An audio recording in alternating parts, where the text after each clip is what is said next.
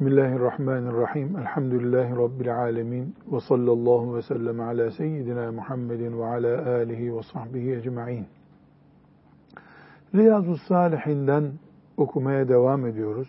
188. hadisi şerifi okuyacağız. Hadisi şerifi okumaya başlamadan önce hadis kitaplarını okurken e, dikkat edilmesi gereken küçük bir ayrıntıya temas etmemiz lazım. Mesela Riyazu Salihin bir hadisi şerif kitabıdır. Yani Resulullah sallallahu aleyhi ve sellem Efendimizin hadislerinin, sözlerinin, sünnetinin anlatıldığı bir kitaptır. Bu kitapta mesela 1500 tane hadisi şerif vardır. Alimler bunları konularına göre ele alırlar. Şimdi biz Riyazu Salihinde emri bil maruf ve nehy anil münker yani iyiliği emretmek, kötülüğü de engellemekle ilgili bölümü okuyoruz. Bölümün başlığı budur. Ancak Resulullah sallallahu aleyhi ve sellemin hadisi şeriflerinde birden fazla konu aynı cümlenin içinde bulunabiliyor. Bu 188. hadiste örnek olarak Ubadet ibn Samit radıyallahu an hadisi anlatan sahabi içinde 1, 2, 3, 4 başlık bulunan bir cümle kullanıyor. Alimler, hadis alimleri, işte Nevevi mesela Riyazu Salihini telif ederken bu hadisi şerifte mesela dört başlık var. Bu dört başlıktan bir tanesini kullanmak için bu hadisi şerifi alırlar ve genelde de diğer onun kullanmayacağı üç maddeyi silmezler hadisten. Bereketi bozulmasın diye veya ondan da muhakkak istifade edilecek bir şey vardır diye. Bu sebeple hadis kitaplarında mesela emri bil maruf ve nehy anil münkeri anlatırken veya namazı anlatırken ya da tahareti anlatırken o başlıkla ilgisi olmayan başka başlıkların konusu olabilecek hadisi şerif cümleleri de görürüz. Bu Resulullah sallallahu aleyhi ve sellem Efendimizin az konuşup çok şey söylüyor olmasından kaynaklanıyor. Alimlerin hadis kitaplarını yazmada böyle bir uslupları vardır. Bunu bilmemizde fayda var. Şimdi Riyazu Salihinde Emri bil maruf ve nehy anil münker bölümündeyiz. 188. hadisi şerif okuyacağız. Ashab-ı kiramın büyüklerinden, ensardan Ubadet ibn Samit radıyallahu anh Resulullah sallallahu aleyhi ve sellemle beyat yaptığı hatırasını bize naklediyor. Bunun içerisinde e, emri bil maruf yapma, doğruyu söyleme ve söylemekten çekinmemeye ait bir cümle var. O cümleyi alıntılayacağız biz. Ama hadisi şerifi bütün olarak okuyup mecburen bu bütünü içerisinde geçen diğer başlıklara da temas edeceğiz. Hadisi şerifi Hafız Efendi teberrüken metnini okuyalım. Sonra da tercümesini okuyalım.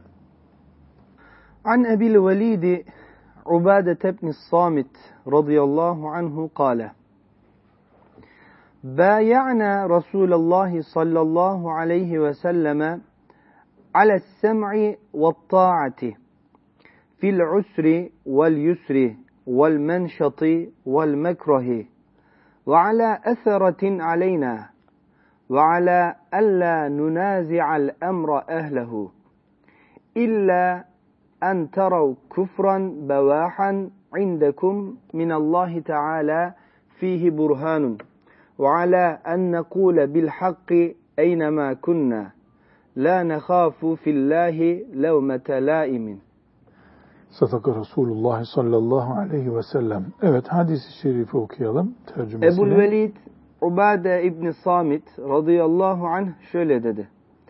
Biz Resulullah sallallahu aleyhi ve selleme zorlukta ve kolaylıkta, sevinçli ve kederli anlarda, başkaları bize tercih edildiği zamanlarda kendisini dinleyip itaat etmeye, açıkça küfür sayılan bir şey yapmadıkları sürece devleti yönetenlerin işlerine karışmamaya, nerede olursak olalım hakkı söyleyeceğimize ve Allah hakkı için hiçbir kınayıcının kınamasından korkmayacağımıza dair beyat ettik. Evet. Bu hadisi şerif Bukhari'de, Müslim'de, Nesai'de, İbn Mace'de rivayet edilen bir hadisi şerif. Resulullah sallallahu aleyhi ve sellem Ubadet ibn Samit radıyallahu anh'ın da içinde bulunduğu bir grupla beyat yapmış. Beyatı izah edeceğiz ne demek olduğunu. Bu beyat esnasında onlara e, hakkı söylemekte kimseden çekinmeyeceklerine dair taahhüt almış. Hakkı söyleyeceksiniz. Bizim bu bölümde bu hadis-i şerifin bulunması ve okuma nedenimiz de bu cümle. Allah için konuşurken yani hakkı söylerken kimseden çekinmeyeceksiniz. Ağzınızdan çıkan kaça mal olur bakmayacaksınız şeklinde bir cümle söylemiş Aleyhisselam Efendimiz. Ama bunun öncesinde de devleti idare edenlere karşı tavırlarının nasıl olması gerektiğine dair de cümleleri bulunuyor. Biraz önce e, temas ettiğimiz gibi aslında biz bu hadisi şerifi son cümlesinden dolayı burada okuyoruz. Nevevi bu son cümleyi Allah için söylenecek sözü hakkı söylerken kimseden çekinmemeyi söylemek için buraya almış. Ama bu arada zorlukta, kolaylıkta, sevinçli, kederli anlarda başkaları göreve getiriliyor, başkalarına ikramiye veriliyor, bize verilmiyor. Buna rağmen açıkça kafir olduklarına dair bir belge görmedikçe devleti yönetenlere karşı duruş yapmayacaksınız diye de talimat vermiş sallallahu aleyhi ve sellem Efendimiz. Hadis-i şerifte iki başlık var aslında. Birisi her yerde hakkı söyleyen ve Allah'tan başkasından çekinmeyen Müslüman olmak. İki, her şartta vatandaşlık görevini imal etmeyen, bireysel menfaatinden vazgeçip kamu menfaatinden vazgeçmeyen Müslüman olmakla ilgili cümle var. Bu ayrıntıya girmeden zihinlerimizde bulunması gereken çok önemli bir kırmızı çizgi çizelim. Ubadet ibn Samit radıyallahu anh ümmeti Muhammed'in devletinden ve o devleti yönetenlerden söz ediyor. Daha doğrusu Resulullah sallallahu aleyhi ve sellem Efendimiz Ubade'den beyat alırken aldığı beyat Müslümanların Kur'an'la yönetilen Peygamber sallallahu aleyhi ve sellem Efendimizin baş olduğu devletindeki yönetimdir. Yoksa Çin'de veya e, işte Doğu Türkistan'daki Müslümanların yaşadığı gibi İslam'la savaşan, İslam'ı yok kabul eden bir sistemdeki Müslümana hitap etmiyor bu. Oradaki Müslüman da paldır küldür denecek şekilde kendisini ölüme sevk edecek hatalar yapıp bir baş kaldıracak durumda da değil elbette ama orada Allah için itaat et düzeyinde bir itaat beklenmeyecek Müslümandan. Orada ümmetinin ve kendisinin menfaatlerini öne çıkaracak, Müslümanlığın menfaatlerine göre farklı bir siyaset, strateji izleyecek Müslüman. Mesela Doğu Türkistan'daki Müslümanlar Allah tanımaz. Akrep dahil her şeyi yer içer bir yönetimin baskısına karşı Peygamberimiz sallallahu aleyhi ve sellem bize her şartta itaat edeceksiniz demişti. şeklinde bir anlayışı elbette olmayacak. Oranın şartları özel. Bu nere için geçerli? Mesela Emevilerin yönettiği, e, Kur'an'ın esas alındığı, Resulullah sallallahu aleyhi ve sellemin sünnetine göre mahkemelerin mahkeme icra ettiği bir toplumda ashab-ı kiram bunu uyguladılar.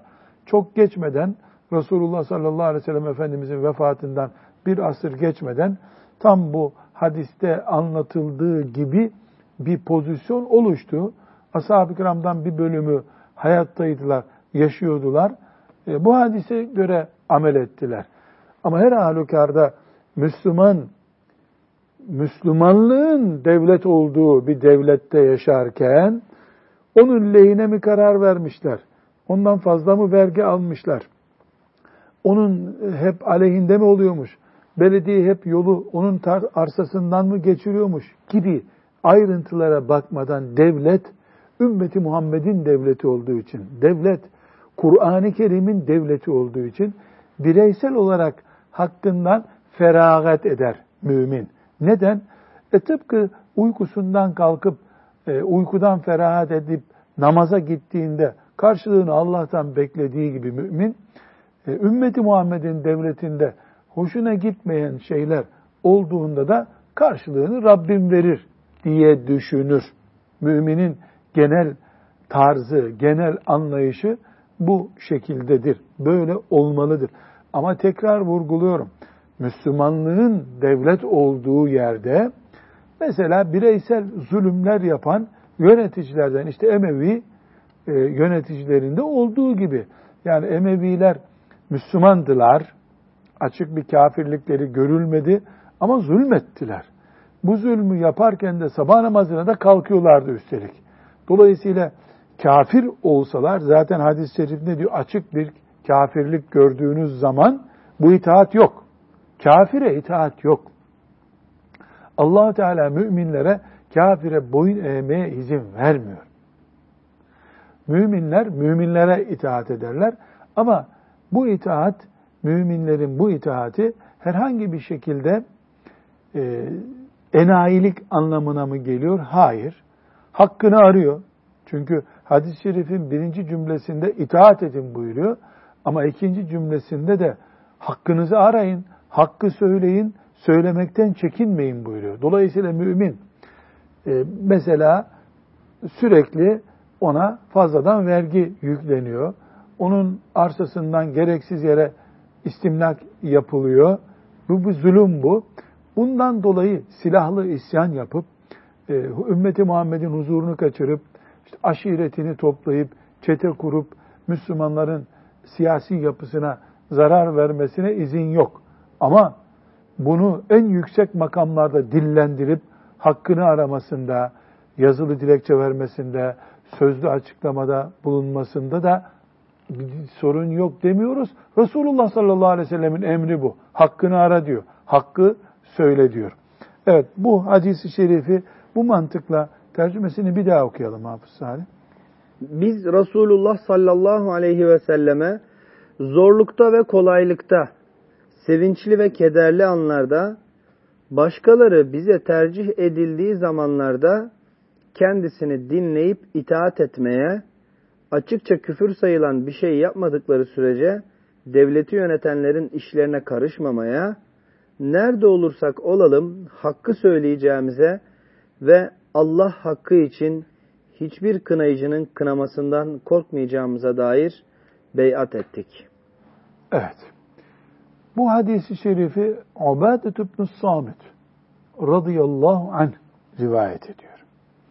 Şefaatine ermemize vesile olur umuduyla ve bize de ibret olur diye bekleyerek bu sahabenin hayatından bir nebze zikredebiliriz.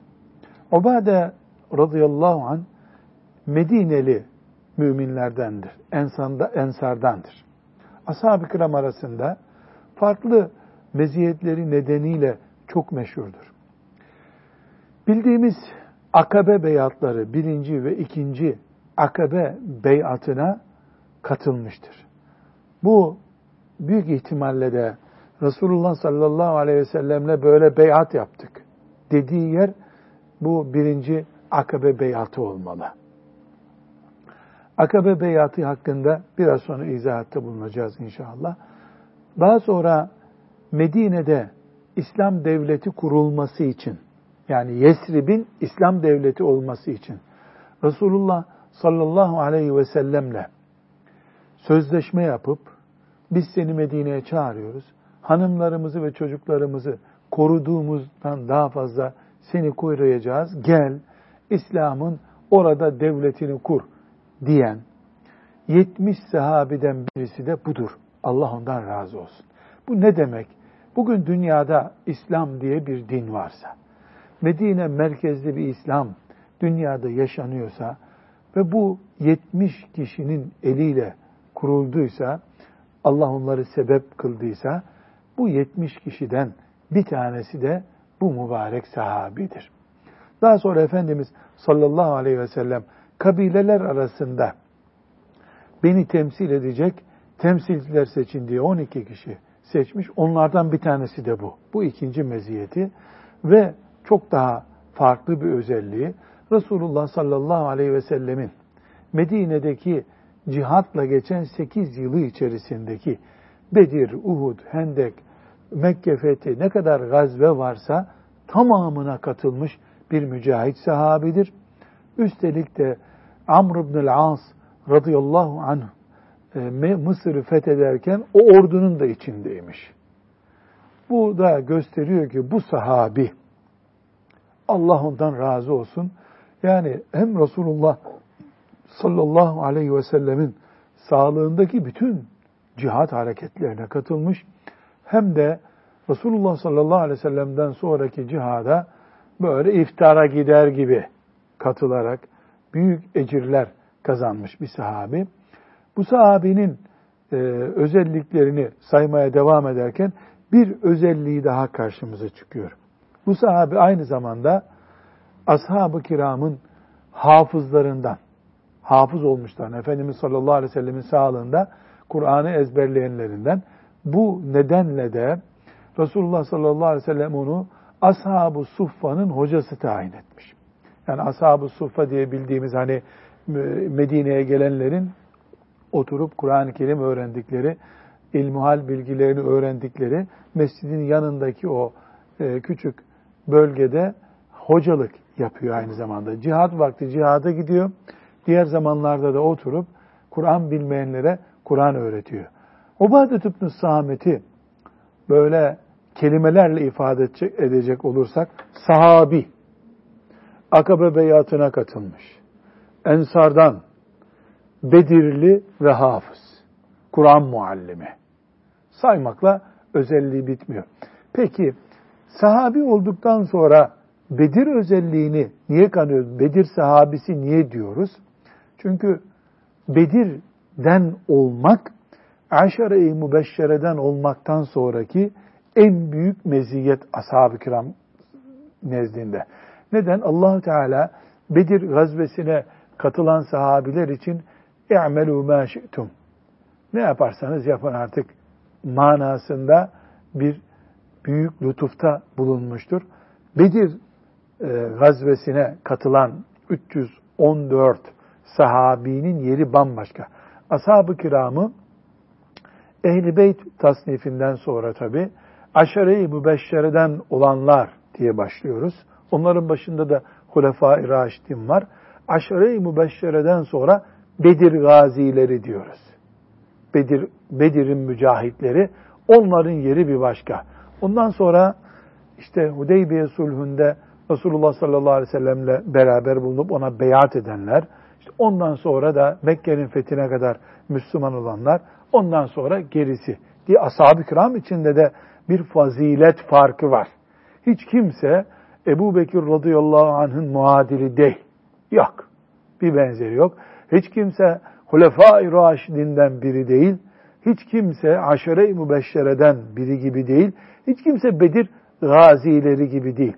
Bu sahabi Allah ondan razı olsun. Ubade ibn Samit. Ubade. İsmi mübarek, kendi mübarek. Sahabi bir. Akabe beyatlarına katılıp İslam devletinin kurucu 70 üyesinden birisi. İki, ensardan Kur'an-ı Kerim'in övdüğü kimselerden, üç, dört, Bedir gazisi, beş, hafız ve ne kadar insana Kur'an-ı Kerim öğrettiği belli olmayacak kadar büyük bir gayretin sahibi. Ömer bin Hattab radıyallahu anh'tan Şam'da Müslüman olanlar Kur'an öğrenmek istiyorlar. Kur'an hocası bulamıyoruz diye e, istekte bulunulduğunda gönderdiği Kur'an muallimlerinden birisi de Ubade radıyallahu anh'tır. Allah ondan razı olsun. Şefaatine bizi nail etsin. Çünkü kurulmasına vesile olduğu İslam devletinin Müslümanları olarak yaşıyoruz. İnşallah Rabbimizin lütfu, keremiyle cennette bu mübarek sahabiyle ve onun güzel arkadaşlarıyla buluşacağız. Rabbim hepimize nasip etsin.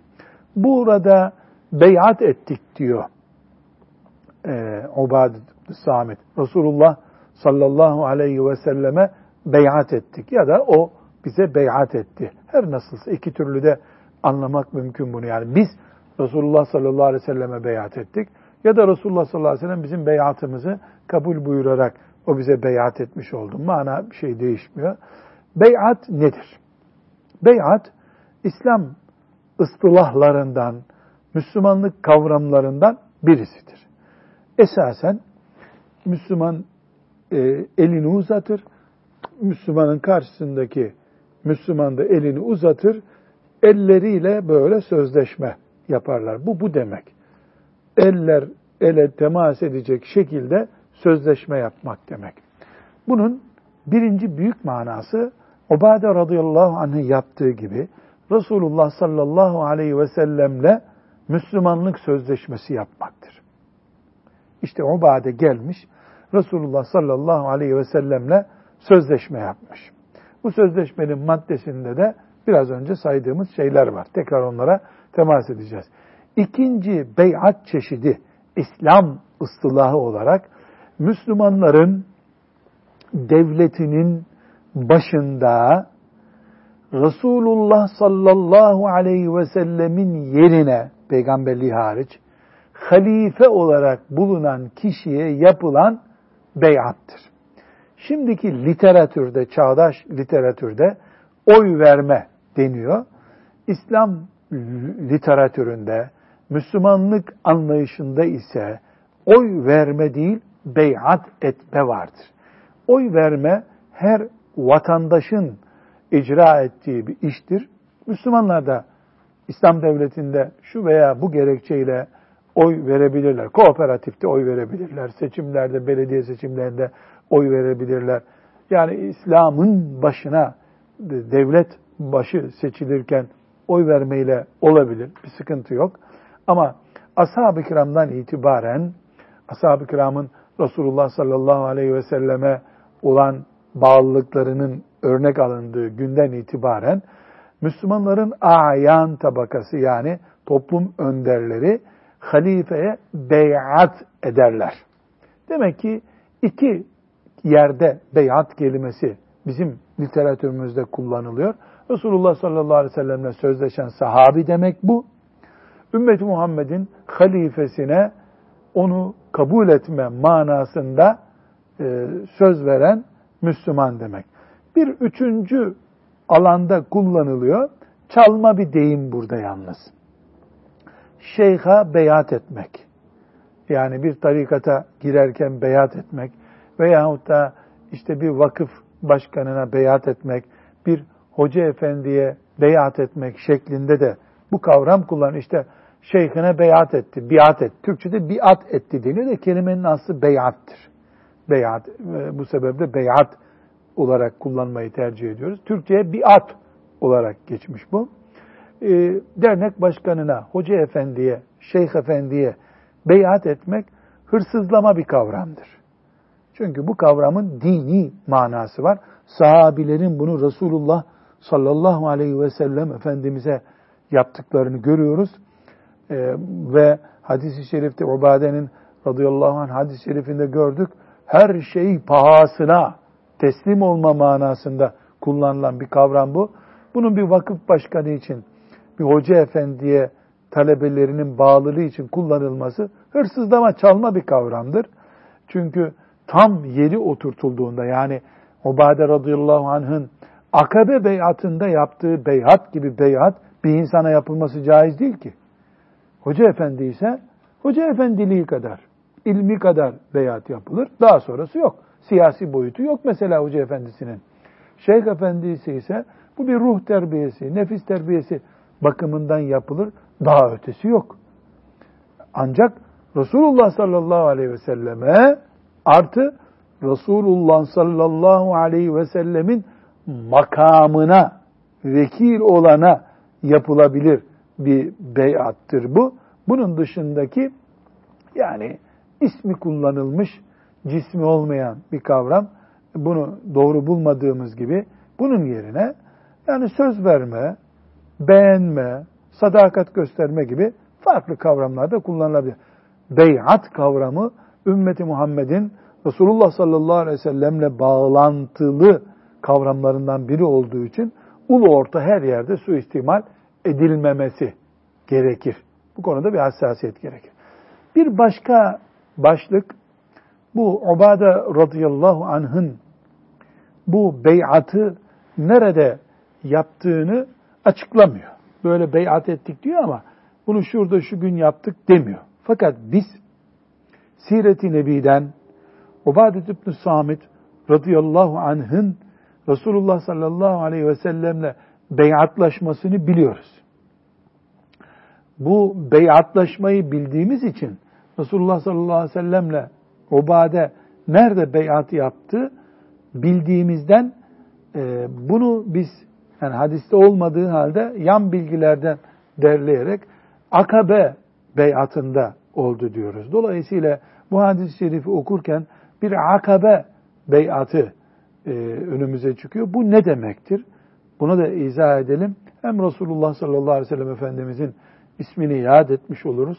Hem de o beyata katılan ashab-ı kiramın, Allah dostlarının gerçekten veli oldukları, kat'i olan insanların şefaatine inşallah vesile olur Rabbimizin lütfu ile. Resulullah sallallahu aleyhi ve sellem Mekke'de iken, Mekke'de peygamberliğinin 11. senesinde bildiğimiz Mekke işkenceleri ve daralan İslam toplumunun e, açılması için çare arayışı içerisindeyken e, hacca gelen yani o zaman hac vardı da kendi kafalarına göre bir hac vardı. Şimdi de nasıl Ramazan-ı Şerif'i kendi kafamıza göre şekillendirdik. Eğlenceli bir Ramazan ürettik. Böyle giderse neuzu billah davullu zurnalı, cazlı sazlı, orkestralı bir Ramazan çıkacak görünüyor. La kadderallah. Ee, İbrahim Aleyhisselam'dan beri hac yapılıyordu. Mekkeli müşrikler de hem ticari olarak bundan istifade ediyorlardı, hem lojistik olarak Mekke'ye sahip oldukları için Mekke'ye gelen hacılara karşı bir ağırlık, otorite hissettiriyorlardı. Bu yüzden hac devam ediyordu ama davullu zurnalı Ramazan gibi kendilerine göre bir hac yapıyorlardı. İşte zenginler bir çeşit, fakirler başka bir çeşit. Yani allah Teala'nın kabul ettiği bir hac değil ama haccın adı vardı. Dolayısıyla hac sezonunda Mekke kalabalıklaşıyordu. 11. senesinde peygamberliğinin hicretin değil. Takvimi biz yıl olarak andığımız zaman hicreti kastediyoruz. Hicretten on, önce de 13 senesi var Resulullah sallallahu aleyhi ve sellemin. O 13 senenin 11. senesinde Efendimiz sallallahu aleyhi ve sellem Mekke'deki daralmayı açabilmek için e, Mina'daki hacıların konakladığı yerlere gitti. Orada Akabe denen bir tepelikte e, elhamdülillah ziyaret edip görmek nasip oldu orayı. Böyle bir boşluk şimdi tabii. Şu anda bir e, sadece şurasıdır diye büyük bir ihtimalle e, kabul edilen yer. Akabe denen bir yerde Yesrib'den gelen altı tane Medineli'yi gördü. Mekkelilerle konuşamıyordu, konuşturulmuyordu zaten. E, Medineli sonra Medine oldu tabi. Yesriplileri görünce onlara yanaştı, selam verdi. Onlara kendisini tanıttı. Altı tane mübarek zat. Bunların isimleri çok bilinen kimseler değiller bunlar. Ee, bunlar e, Resulullah sallallahu aleyhi ve sellem bu teklifini kabul ettiler. Biz Müslüman oluyoruz dediler. Altı kişi Müslüman oldu. Resulullah sallallahu aleyhi ve sellem Efendimiz onlara Medine'de e, İslam'a bir zemin hazırlamaları görevini verdi. Onlar geri döndüler. Bir dahaki sene 12 kişi olarak geri geldiler. Yine hac sezonunda yani 12. senesi olmuş oluyor peygamberliğin sallallahu aleyhi ve sellem Efendimizin 12. senesinde o 6 kişiyle görüştükten bir sene sonra tekrar e, hacca geldiler. 12 kişi oldular. Bu 12 kişinin içinde işte Ubadet ibn Samit var. Radıyallahu anhum cemiyen. 12 kişi geldiler. Efendimiz sallallahu aleyhi ve sellem onlara İslam'ı anlattı. Diğerleri de Müslüman oldular. Akabe beyatı dediğimiz beyat ortaya çıktı. İlk defa 12. senede. Esasen Akabe'de üç buluşma yapıldı. Birincisi o altı kişiyle yapıldı ama bir beyatleşme olmadı. Sadece Efendimiz sallallahu aleyhi ve sellem onları İslam'a davet etti. E, ikinci geldiklerinde Akabe beyatı ortaya çıktı. O 12 kişiyle beyat yaptı Efendimiz sallallahu aleyhi ve sellem. Onlar dediler ki bize Kur'an öğretecek, İslam'ı öğretecek birisini ver bize. Efendimiz sallallahu aleyhi ve sellem de Mus'ab bin Umeyr radıyallahu anh onlara öğretmen olarak verdi. Böylece 12 kişi yanlarında Mus'ab'la beraber e, Medine'ye döndüler. Esasen Medine'de İslam tohumu atan bu 12 kişidir. Allah onlardan razı olsun. Musab bin Ümeyr bu 12 kişiyle oturdu, güzel bir çalışma yaptı. Bir sene sonra Medine'den Resulullah sallallahu aleyhi ve sellem'i davet etmek üzere tekrar Akabe'ye geldiler. Bu sefer 72 kişi oldular. Yanlarında da Musab bin Ümeyr 73 kişi geldiler. İkinci Akabe beyatı yapıldı. Bu 73 kişiyle tekrar Efendimiz sallallahu aleyhi ve sellem beyat yaptı. Bu beyatta onlara Medine'ye e, yani Yesrib'e tabi dönmeli, dön, gelmesi, hicret etmesi durumunda onu koruyup korumayacaklarına dair söz aldı. Onlar da büyük bir söz verdi. O söze de Allah şahit oldu.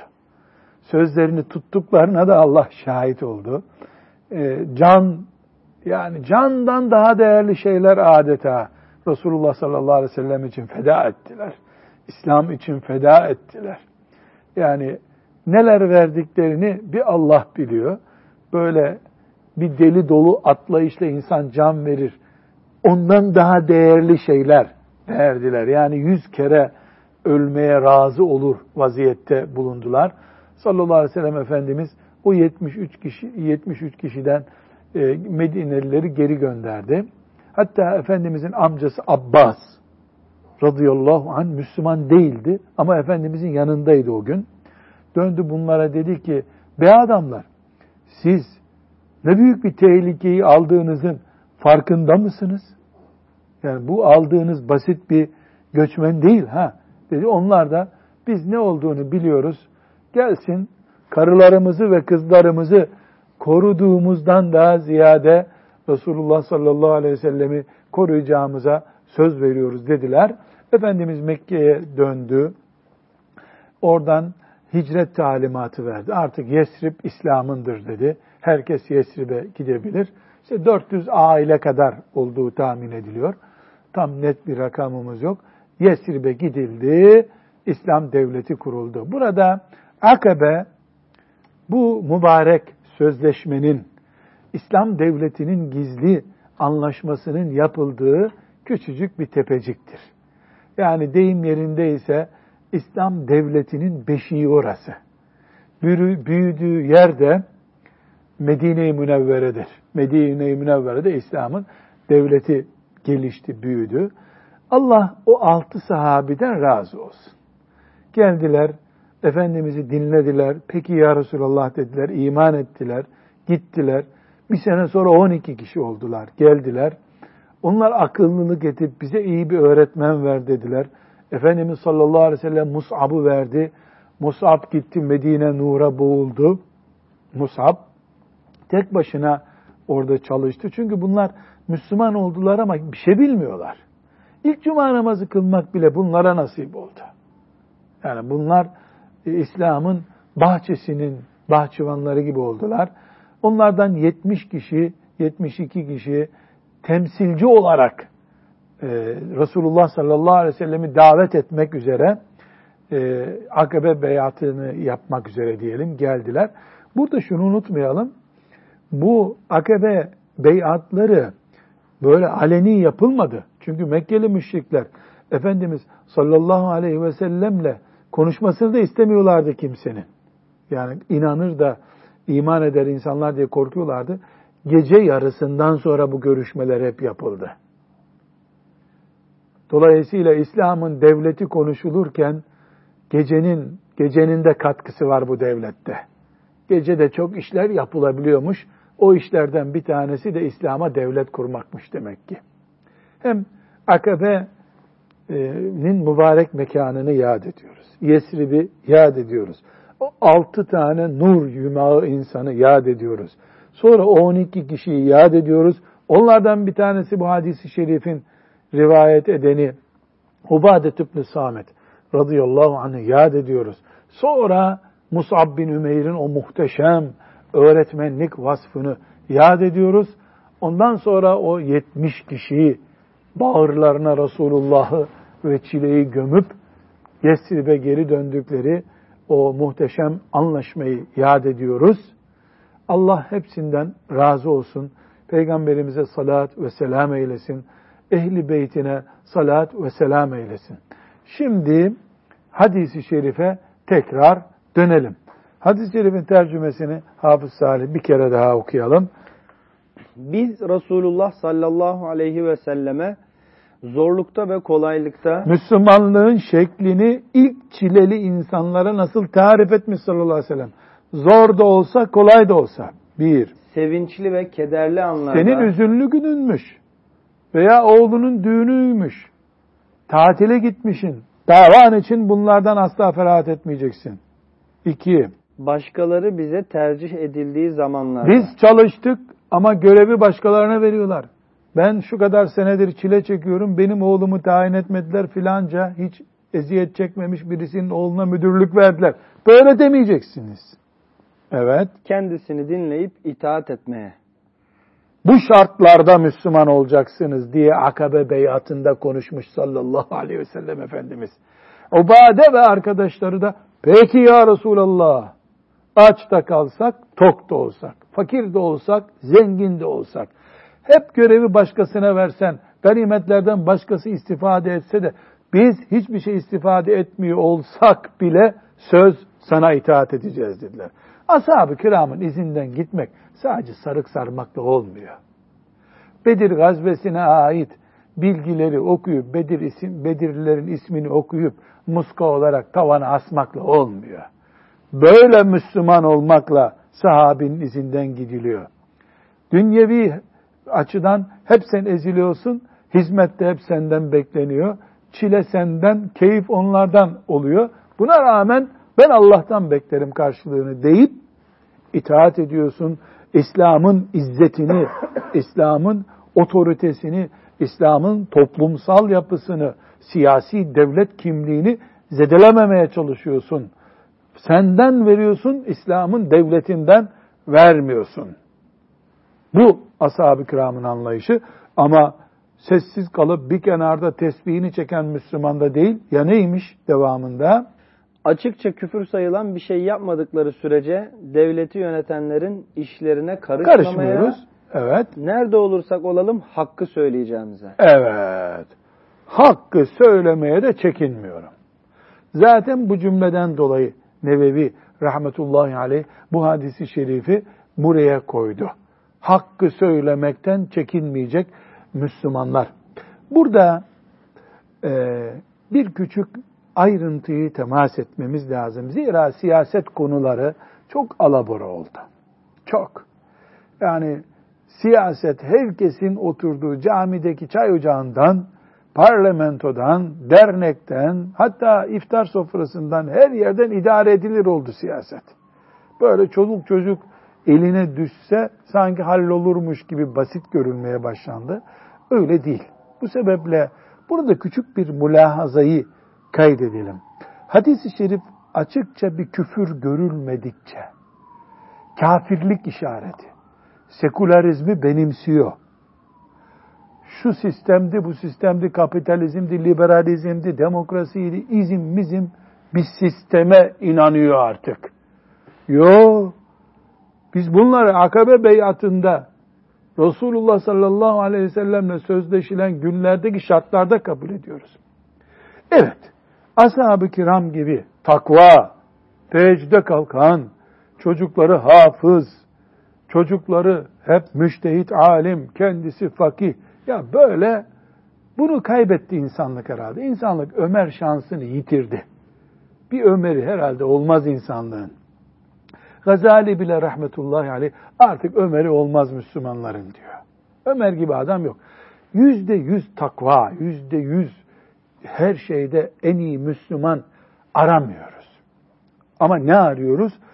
Müslümanlığında sorun olmayacak. Yüzde yüz takva olacaksın. Bir kere bir günah işlediysen seni yıkar deviririz. Demek harici düşüncesidir haricilik, şimdi radikalizm diyorlar ya, haricilik İslam'ın başına sorun olmuş ilk problemin adıdır. Ali radıyallahu anh gibi bir Allah'ın arslanı adamı bile iyi Müslüman değil diye öldürdüler. Ali'yi öldüren Müslüman olur mu ki kendisinde iyilik arıyor artık? Bu yanlış bir çizgi. Yani Efendimiz sallallahu aleyhi ve sellem çok net söylüyor açıkça kafir olduklarını görürseniz itaat etmeyin. Açık kafirliğe de beyefendi sen karar verme. Ümmeti Muhammed'in uleması karar versin. Desin ki artık iman yok bu hükümette. Bu iktidarda iman yok desin.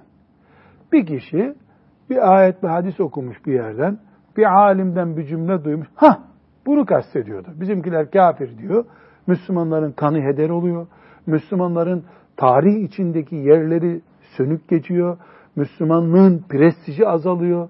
Müslümanlığın ekonomisi, Müslümanların aile yapısı, sosyal yapısı zedeleniyor. Bütün bunlar caiz olmayan şeyler.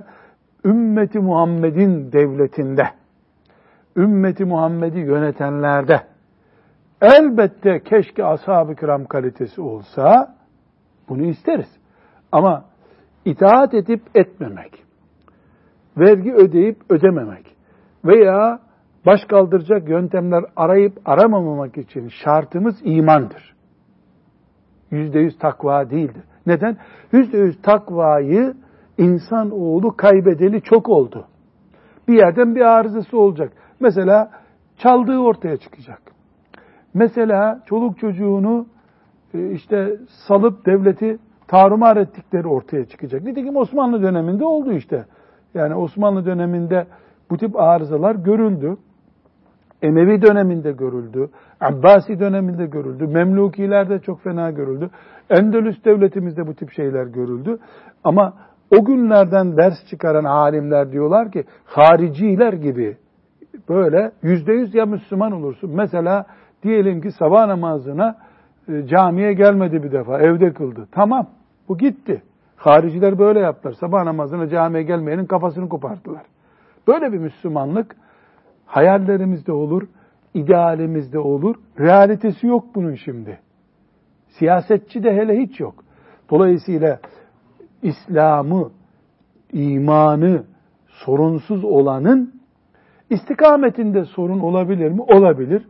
Bu daha iyisini aramamıza engel değil bir dahaki seçimlerde, bir dahaki adaylıkta yüzde yüz Müslümanı ararız.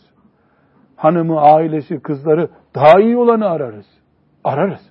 Arayışımız ayrı ama bunu bin tane genci toplayıp bir ayağa kalkış, devrim yapmak gibi bir gerekçenin nedeni yapabilir miyiz? Yapamayız.